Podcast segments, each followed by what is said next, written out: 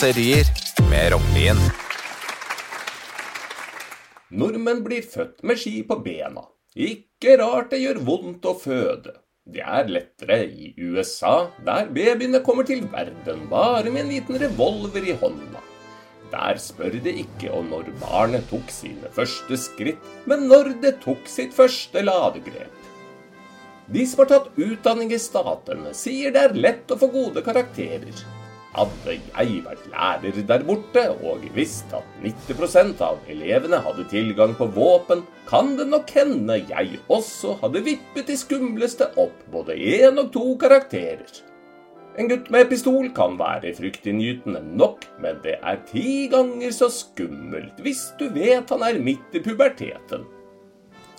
I USA er ingen sjalu på lærerne for deres lange sommerferie. Såpass fortjener dem etter at de i gjennomsnitt opplever tre skoleskytinger i året. De skal i det minste være glade for at de ikke underviser i nynorsk, for det tror jeg ikke mange hadde kommet levende fra. Da jeg gikk på skolen, fikk alle utdelt læreboka Nynorsk ordliste. Det tok ikke mange minuttene før vi med hjelp av spiritus hadde lagt til et par bokstaver og omdøpt faenskapet til spynorsk mordliste. Forskjellen på en amerikansk og norsk elev var at vi ikke hadde tenkt til å gjøre alvor av det. Det eneste som er farligere i USA enn å være lærer, er å være afroamerikansk bilsjåfør. Som regel er forløpet det samme en bil blir bedt om å kjøre til siden av lovens lange arm. Sjåføren unnskylder seg og spør om hva han har gjort galt. Politimannen oppdager at han har mørk hudfarge, eksploderer i raseri og dreper den uskyldige. Som du skjønner, her gjelder det å veie sine ord med omhu. Hadde jeg bodd i Midtvesten, hadde også jeg tapetsert bilen med klistremerker av Donald Trump, som er politiets store helt. Skulle lovens voktere stanse deg langs landeveien, kan det nettopp være slike små detaljer som gjør at du redder livet. Får du ikke tak i klistremerker, vil det også fungere om du legger en kjegleformet hvit hodehette med øyehull i nabosetet. Men én ting har Norge og USA til felles. Vi mannfolk blir aldri så sinte som i trafikken. Det gjelder naturligvis også selv om du har på deg en blå uniform. Men da kan man vel ikke gi UP våpen? Det er åpenbart hva som i så fall kommer til å skje. Du brukte ikke blinklys, du. Jaså, du trodde vi kom til å tilgi at du la deg i feil fil i rundkjøringa?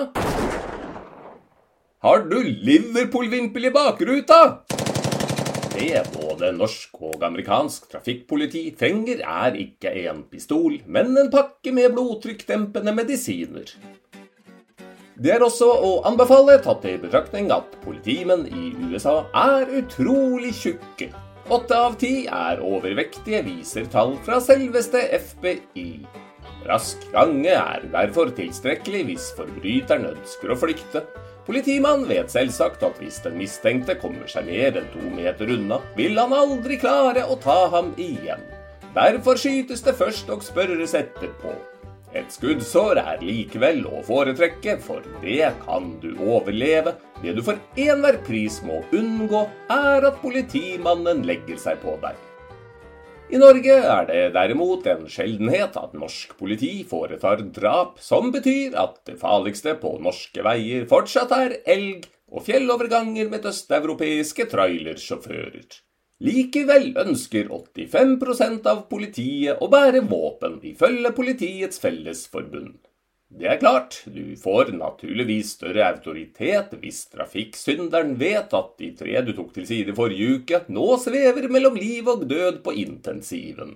Det blir liksom ikke det samme når du truer med en prikk. Det blir som når læreren i barneskolen satte kryss i boka når du ikke hadde gjort leksene. Mer autoritet behøver derimot ikke politimannen i Kongsberg, som sjokkerte det norske folk da det ble festet til video at han grisebanket en mann. I ettertid har han fått litt sympati, da det viste seg at offeret hadde både en batong og en kniv på innerlomma. Politiet ble tilkalt for å rydde opp da den mørbankede ble nektet adgang på et utested.